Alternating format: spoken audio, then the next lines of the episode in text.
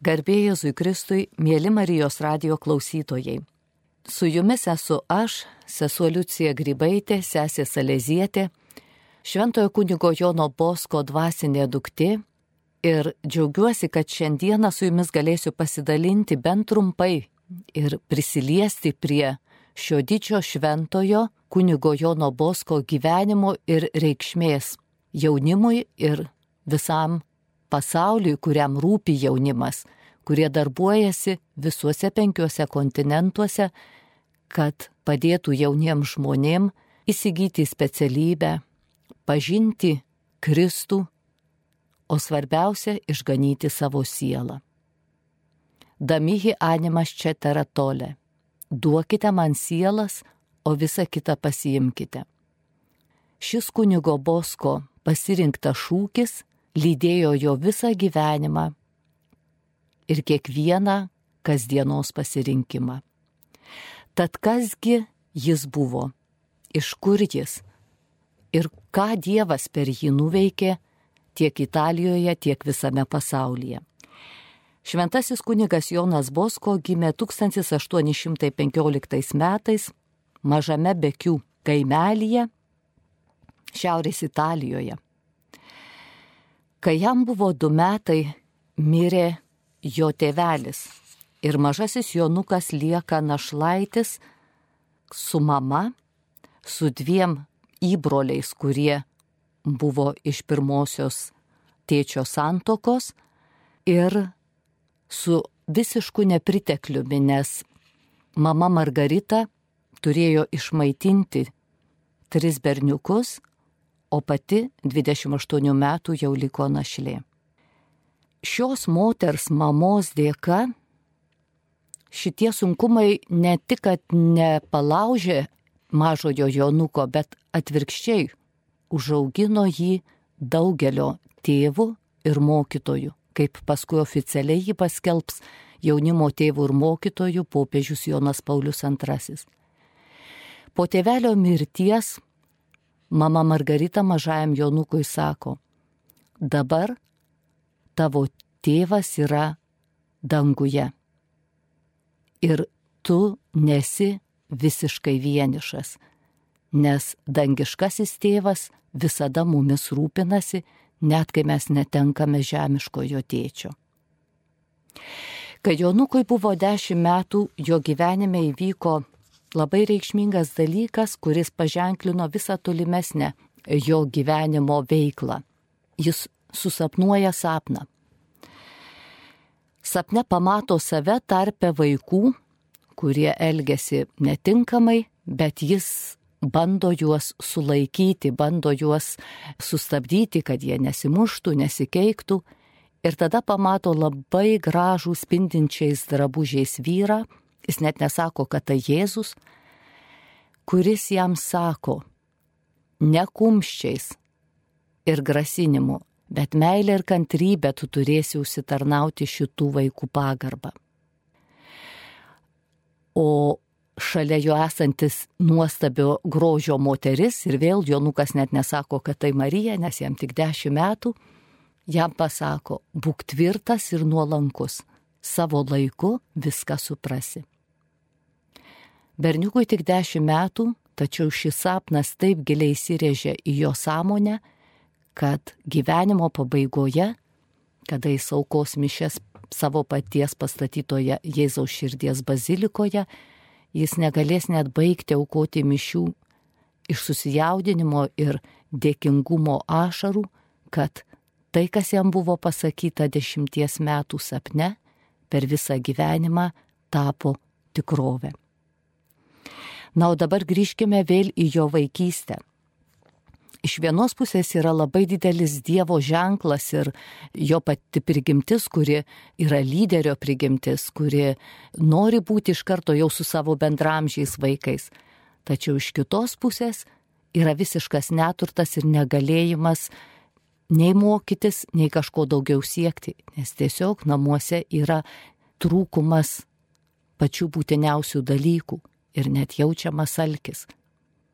Mes galėtume klausti savęs, kaip Dievas šitą jauną berniuką, kuriam buvo skirta tapti didžiu šventuoju, kodėl jam nesuteikė lengvesnio kelio, kodėl negalėjo aukti na pilnoj šeimoje, kur būtų ir tėtis, kodėl negalėjo ta šeima būti šiek tiek turtingesnė, kurisai galėtų be jokių sunkumų siekti mokslo. Kai kalbu apie šventąjį kunigą Jono Bosko, jaunimui visada sakau, kad jeigu jūsų aplinkoje yra sunkumai ir gal koks materialinis nepriteklius, tai jokių būdų nereiškia, kad Dievui jūs nerūpit, kad Dievui mes nerūpim. Atvirkščiai tai gali būti ženklas, kad Dievas nuleidžia, kad mes sutvirtėtume, užsigrūdintume ir galėtume gyvenime įveikę sunkumus atlikti mums skirtą gyvenimo misiją. Ir štai tolimesni Dievo ženklai ir vedimas. Pirmiausia, jį pastebi kunigas Kalioso, parapijos kunigas, kuris pamato jo ypatingus gabumus, nes vaikas atkartoja visą girdėtą misionieriaus pamokslą vos ne pažodžiui ir paima jį pas save, kad galėtų mokytis ir taip pradėtų savo kelionę, savo siekimą tapti kunigu. Nugalėjęs dar daugelį kliūčių ir daugelį iššūkių, galų gale jis gali įstoti į seminariją ir tampa kunigu. 1841 metais, birželio 5 dieną, jam yra suteikiami kunigystės šventimai. Kągi daryti toliau? Tada jis jau turėjo savo palydėtoją, dvasios vadovą kuniga Kafaso, kuris taip pat yra paskelbtas šventuoju. Ir jo klusnumas dvasios vadui buvo tikrai visiškas. Jis tvirtai tikėjo, kad Dievo valia ir Dievo meilė ir gailestingumas jam pasireikš būtent per kunigo Kafaso vadovavimą. Kunigas Kafaso jam pasiūlo vykti į Genują ir mokyti vienos kilmingos šeimos vaikus. Tuo būdu jis galėtų užsidirbti savo pragyvenimui reikalingas lėšas, o taip pat galvoti apie tolimesnės studijas, gal netgi Romoje.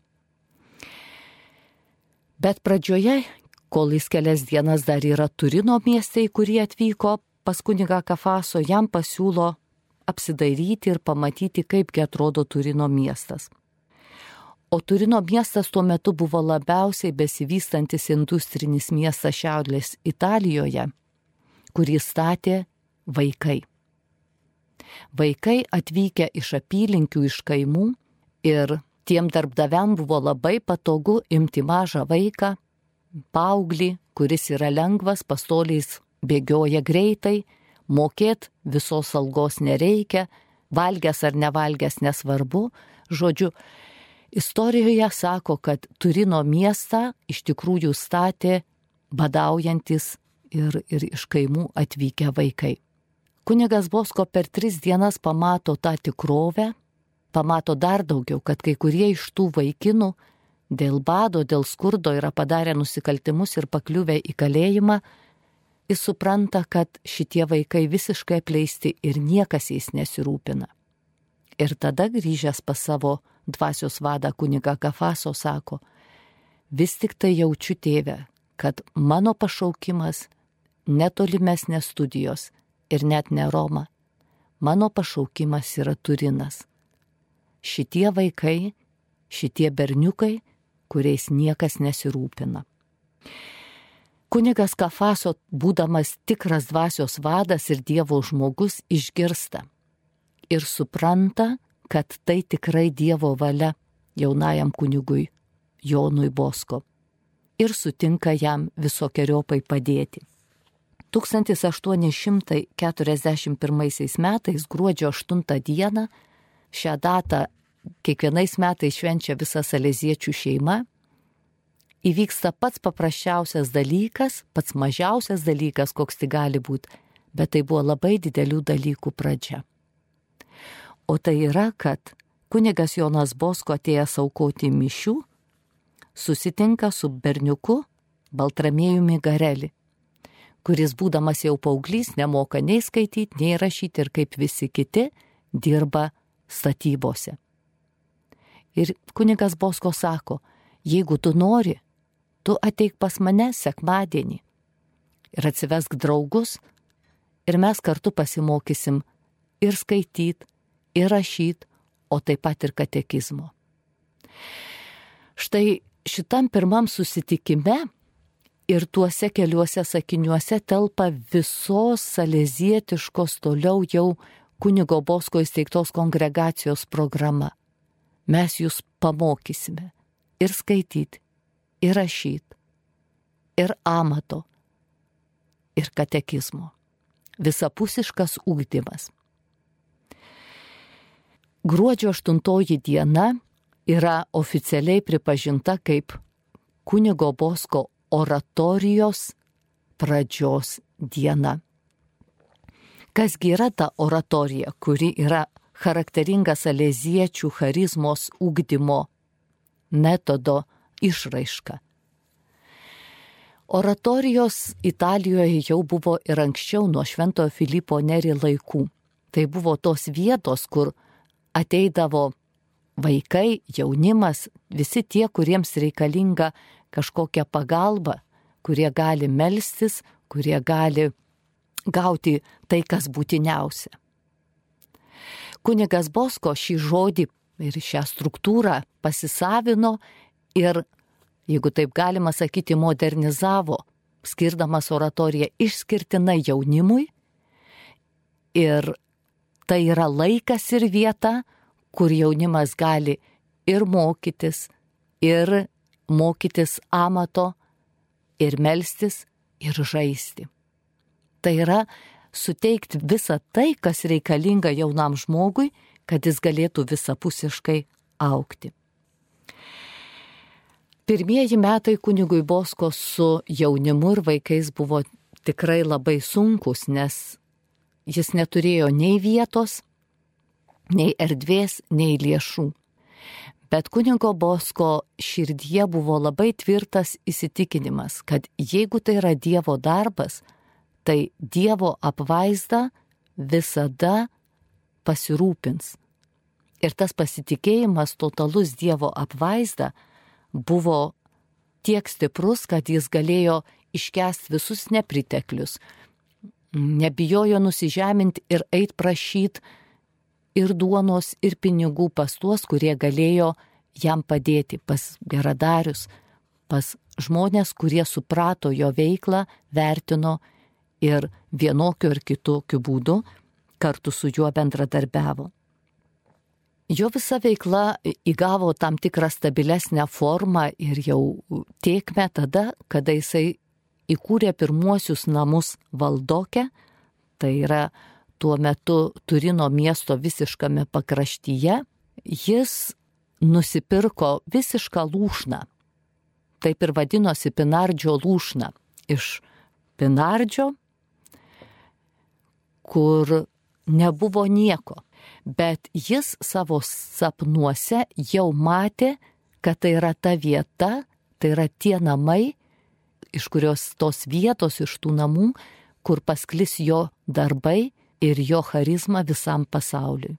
Grįžtant į kunigo Bosko pašaukimo kelią, vėl noriu sustoti prie mamos Margaritos asmens. Saleziečiai yra tai pasakę parafrazuojant Šventojo Jono Evangeliją.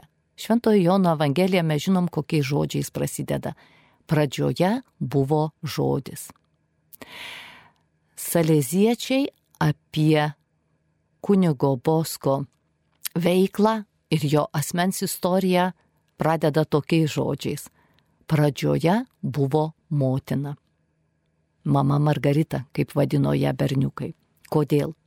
Todėl, kad ji turėjo labai didelę įtaką tiek pačiam kunigo Jono Bosko asmeniui, tiek paskui, kada su juo kartu atvyko į Turiną. Taigi grįžtų prie jo pašaukimo kelionės. Kai kunigas Bosko įstojo, kai dar buvo jaunuolis, Jonas Bosko įstojo į seminariją ir įsivilko į sutaną, į vilktuvės buvo, mama Margarita jam pasakė, jeigu kada suabejosi savo pašaukimu, pirmiausia nusivilk sutaną. O kai Bosko jau tapo kunigu po šventimų ir primicijų, šita beraštė kaimietė moteris ateina ir sako, sūnau, pradėti aukoti mišes reiškia pradėti kentėti. Dabar tu to nesupranti, bet vėliau suprasi. Ir dar. Jeigu kada per nelaimę tu tapsi turtingas, aš neperžengsiu tavo namų slengščio. Kai kunigas Bosko apsistojo jau toje išpinardžio įsigytoje lūšnoje, pradėjo po truputį plėsti, remontuoti, o berniukų ir vaikinų vis daugėjo, jam į pagalbą jau pradėjo ateiti ir kiti klierikai ar kunigai, o patys didesnieji vaikinai tapo šiandieninę kalbą kalbant animatoriais, mažesniem, bet vis tik tai tiem visiems vaikams labai reikėjo moteriško šilumos, motiniškos meilės, rūpeščio. Ir tada kunigas Bosko grįžta į savo kaimą, į bekius pas mamą, kuri niekada nebuvo išvykusi iš savo gimtojo kaimo. Ir tada jau kunigas Bosko į mamą kreipiasi. Sako, mama, Tu man sakei, kad jeigu aš kada nors būčiau turtingas, tu neperžengtum mano namų slengščio. Tai štai, mama, esu visiškai neturtingas ir turiu labai daug berniukų, kuriems tiesiog reikia mamos. Ar negalėtum su manim vykti į Turiną? Ir ši kaimietė moteris niekada neišvykusi iš savo kaimo, savo brandžiame amžiuje palieka viską, kas jai buvo taip brangu ir miela, ir iškeliauja visiškai į naują pasaulį, į didmestį, pas visiškai nepažįstamus vaikus. Ir ji bus jiems mama, kaip jie visi ją ir vadins mama Margarita, iki pat gyvenimo pabaigos. Kunigo Bosko veikla plečiasi iš tikrųjų labai greitai. Jis tampa vis žinomesnis, bendrauja tiek su politikais, tiek su bažnytinė vadovybė, jis ieško draugų, bičiulių ir kalbasi su visais ir visais įmanomais būdais, turėdamas vienintelį tikslą - kuo labiau sudaryti geresnės sąlygas jaunimui. Kas gali padėti finansiškai, tegu padeda finansiškai. Kas gali suteikti kitokią kažkokią pagalbą, tegu daro. Jis sako, man reikia visų mūsų pagalbos. Popiežius taip pat sužino apie jį. Ir popiežius Pius IX jam sako, kol tu dirbi labai gerai, bet kas bus, kai tu numirsi istoriškai buvo labai nepalankus metas bažnyčiai, nes vyko politinės kovos tarp Vatikano valstybės ir, ir Italijos valstybės. Ir teisiškai tuo metu buvo naikinamos visos, na, religiniai institucijos, ypač vienuolynai, tai yra nacionalizuojami pastatai, žemės. Ir būtent tas ministras, kuris įsakė nacionalizuoti kitas vienuolijas, įsikvietęs kuniga Bosko, sako, tu turi steigti bendruomenę, kad tavo darbas tęstusi. Ir kunigas Bosko sako, bet kaip aš steigsiu, jeigu jūsų pats įsakymas neleidžia dabar steigti vienuolijų, o atvirkščiai jas naikina. Ir ministras jam atsako, o tu turi būti gudrus, Tu turi steigti tokią organizaciją, kuri pasaulio akise būtų visiškai pasaulietiška organizacija, tai reiškia mokanti mokesčius ir atliekanti visas pilietinės pareigas. Na, o bažnyčios akise jie turi būti tikri vienuoliai su savo vienuoliškais įžadais. Tai yra tikrai bažnyčios istorijoje unikalus atvejis, kada vienuolijos steigimo struktūrą pasiūlo vidaus reikalų ministras, kuris tuo pačiu metu kitas kongregacijas nori uždaryti ir apriboti jų veiklą. Kai kunigas Bosko suprato, kad per visus šituos įvykius, tai yra per popiežiaus klausimus, per vidaus reikalų ministro žodžius ir netgi per sapnus, Dievas nori, kad jo darbas būtų tęsiamas, jis iš karto pirmiems savo pagalbininkam pasakė, mūsų darbų globėjas ir pavyzdys darbo turi būti šventasis Pranciškus Salezas. Jis yra gerumo ir kantrumo pavyzdys. Šventasis Pranciškus Salezas yra didysis Prancūzijos krikščioniškojo humanizmo pradininkas ir bažnyčios mokytojas. Jo raštai, jo dvasinio vadovavimo patirtis, jo diplomatijos ir dvasinio palydėjimo įžvalgos yra vienos iš stipriausių ir gražiausių bažnyčios istorijoje. Ir kaip gražu, kad kunigas Bosko nerodė į save, bet rodė į kitą didįjį šventąjį. Ir sako, švelnumo, kantrumo, meilės, ko labai labai reikia, dirbant su vaikais ir jaunimu, mokysitės iš Šventojo Pranciškaus Salezo. Ir mūsų vienuolyje vadinsis Saleziečiai. Labai dažnai mūsų klausia, kodėl jie nesivadina boskiečiai, kaip kad pranciškonai, domininkonai. Ne. Jie vadinsis Saleziečiai. Ir mūsų kongregacijos, mūsų vienuolijos globėjas yra šventasis Pranciškus Salezas. Iš tikrųjų, jis matė, kad tai, ką daro su berniukais, reikia darbuotis lygiai taip pat ir su mergaitėmis. XIX amžiaus visa struktūra buvo aiškiai atskirta, kad berniukų ir mergaičių auklėjimas buvo visiškai išskirtas. Ir tiesą sakant, jis neturėjo jokios tokios, na, tiesioginio noro dar kurti ir moterų kongregaciją, nes jam tikrai užteko darbo ir vargo su pirmaisiais saleziečiais ir jis turėjo dar ilgai darbuotis, kad kongregacija būtų oficialiai pripažinta e, šventojo tėvo. Bet tas pats šventasis tėvas jam taip pat sakė, Dievas nori, kad taip kaip darbuojasi su vaikinais, kad taip jūsų šeima plistų, auktų ir taip pat būtų darbuojamasi ir su mergaitėmis. Taigi 1872 metais mažame Mornezės kaimelyje, susitikęs su būriu mergaičių kaimiečių, kurios irgi nei kažką mokėjo, nei kažkur buvo išvykusios, tiesiog mylėjo Dievą ir darbavosi su to kaimo mergaitėmis, bet apvaizdos patvarkymų lygiai tokioje pačioje dvasioje, kaip kad kunigas Bosko turi nesu berniukais.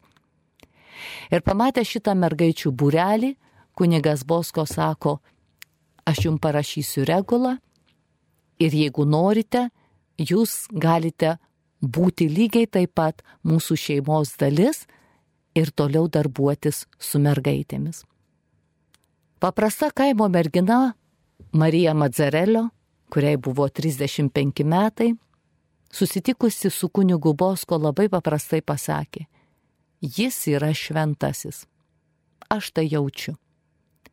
Ir jai užteko tos patirties, kad besąlygiškai paklustų kunigo Bosko pasiūlymui, priimtų regulą ir pirmos 11 merginų sudeda pirmuosius įžadus. Kunigas Bosko sako, jūs vadinsitės Marijos krikščionių pagalbos dukteris, todėl kad visa tai, kas iki šiol nuostabaus įvyko mūsų salezietiško šeimoje ir kas dar įvyks, už visą tai mes turime dėkoti Marijai krikščionių pagalbai. Ji viso šito norėjo, ji mūsų darbą saugo, lydi ir globoja. Ir aš noriu, kad jūs būtumėte gyvas paminklas, gyvas iš kartos į kartą pratesiamas ačiū, Marijai krikščionių pagalbai.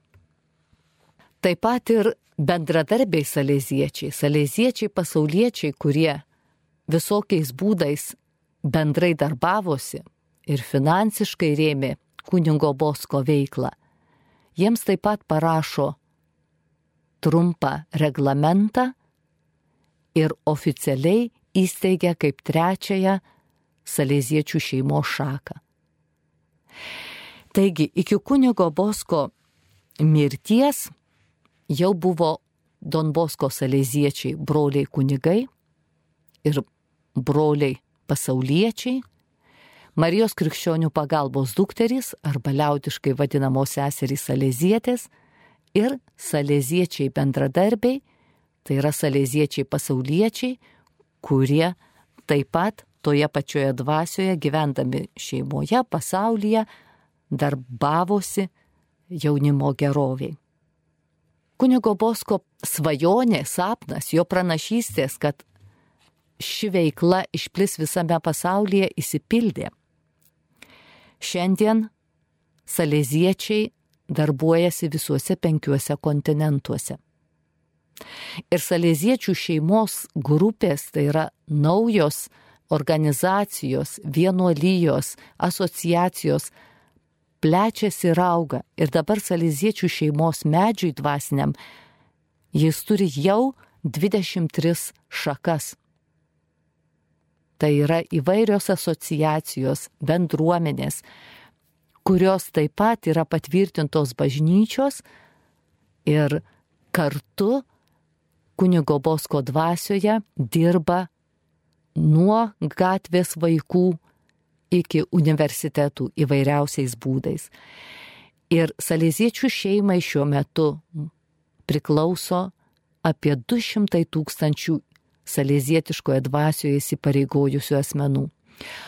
O salėziečių šeima savo ugdyme yra įtraukę apie 2 milijonus žmonių, jaunų, vaikų, jaunimo ir suaugusiųjų.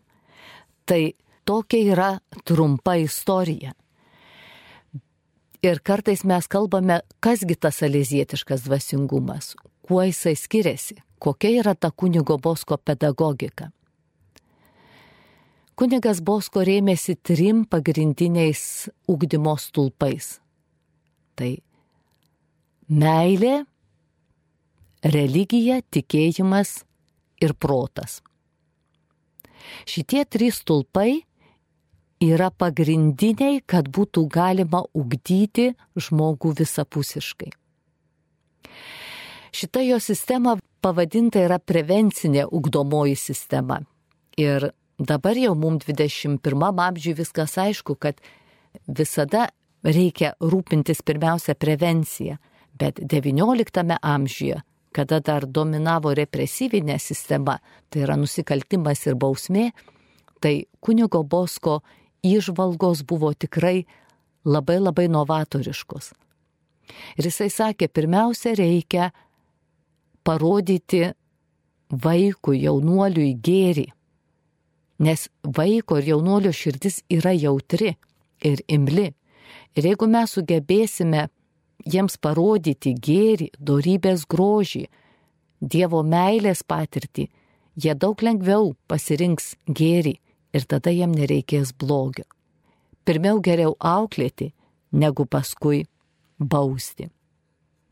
Kunigo Bosko sūnus labai charakteringą vieną dalyką darė, ypatingai pirmieji salėziečiai.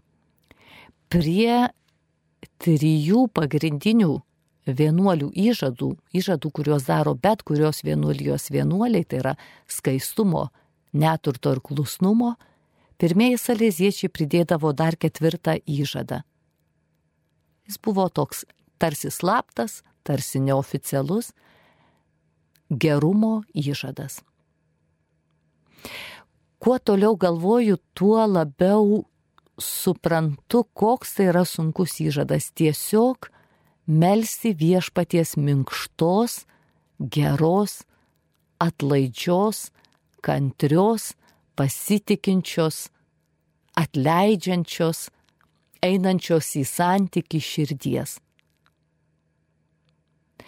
Ir jeigu jaunas žmogus mato, kad šalia jo yra ne tas, kuris turi valdžią jam, kuris gali įsakinėti ir kuriam tik reikia paklus besąlygiškai, bet yra vyresnis jo draugas, jo bičiulis, jo dvasinis palydėtojas, suaugęs jo dvasinis palydėtojas, dvasinis tėvas, dvasinė motina, kurie tačiau labai gerbė vaiko širdį, vaiko norą, kurie turi didelę kantrybę, kai jaunas žmogus nesusigaudo, klysta, keršyje, net liepia, nepatenkina lūkesčių pedagogo. Kai jaunas žmogus tai patiria, iš tikrųjų jį tai ūkdo. Ir todėl neatsitiktinai kunigo Bosko pedagogikoje pats didžiausias dėmesys yra skiriamas ugdytojo asmenybei. Pirmiausia, ugdytojas turi labai labai ugdytis. Pirmiausia, ugdytojas turi tikrai siekti šventumo ir mels visų viešpaties malonių. Nes vaikas tiesiog, jaunas žmogus ar vaikas, jis tiesiog jaučia, koks asmuo prie jo yra. Ir jeigu šalia jo su juo yra asmuo, kuris yra santykėje su Dievu, kuris pats yra patyręs Dievo besąlyginę meilę, kuris pats išgyvena Dievo tėviškumą, Marijos globą, Marijos motiniškumą, kuris yra pats persisunkęs gerojo ganytojo širdies meilę. Vaikas tą tiesiog jaučia ir pats net nelabai suprasdamas tą tą perima, tą dvasiškai geria ir tai jį ugdo. Pagrindinis kunigo Bosko prevencinės sistemos ugdymo siekis yra išganyti sielą. Ne tik dėl to, dėl ko mokomės, dėl ko įsigijam specialybę, dėl ko siekiam, kad galėtume turėti gerą atlyginimą, integruotis į visuomenę ir taip toliau dėl to, kad galų gale išganytume savo sielą. Ir nepaprastai gražus paskutiniai buvo kunigo Bosko žodžiai, kada mirties patale jis salėziečiam ir aplink jo lovą sustojusiem jaunuoliam sakė, pasakykite visiems visiems mano vaikams, kad aš jūsų visų laukiu danguje. Mes esame ne tai, ką girdime. Mes esame tai, ką matome. Ir jeigu girdime tai, kas mums sakoma, tai tik todėl, kad jau tai esame matę. Norėčiau pabaigti Saleziečių vyriausiojo rektorio naujametiniu palinkėjimu. Jis rašo, kai tu galvojai, kad aš į tave nežiūriu, aš mačiau, kaip tu prie šaldytuvo prisegiai mano pirmą piešinį ir aš tuoj pat panorau nupiešti kitą. Kai tu galvojai, kad aš į tave nežiūriu, aš į tave žiūrėjau ir mačiau, kaip tu ruoši ėdalą katinui. Ir taip išmokau, kad reikia rūpintis tais, kuriuos prisijaukini. Kai tu galvojai, kad aš į tave nežiūriu, mačiau, kaip tu kepi mano mėgiamiausią tortą mano gimtadieniui. Ir taip supratau, kad ir maži dalykai gali sukelti didelį džiaugsmą gyvenime. Kai tu negalvojai, kad aš į tave žiūriu, aš mačiau, kaip tu ruoši pietus sergančiam kaimynui. Ir taip išmokau, kad reikia rūpintis vieni kitais. Kai tu galvojai, kad aš į tave nežiūriu, aš mačiau, kaip tu tvarkai aplinką su kaimynais aplink namą. Ir taip supratau, kad reikia rūpintis aplinka, kurioje gyvename. Kai tu negalvojai, kad aš į tave žiūriu, aš mačiau, kaip tu užsidariusi kambaryje verki. Ir taip išmokau, kad kartais mūsų gyvenime yra kančia ir kad verkti yra irgi gerai. Kai tu negalvojai, kad aš žiūriu į tave, aš žiūrėjau į tave. Ir norėjau tau pasakyti, ačiū tau už visą tai, ko mane išmokėjai tada, kai tu negalvojai, kad aš žiūriu į tave. Su jumis esu aš, sesuo Liucija Grybaitė, sesė Salezietė, garbė Jėzui Kristui.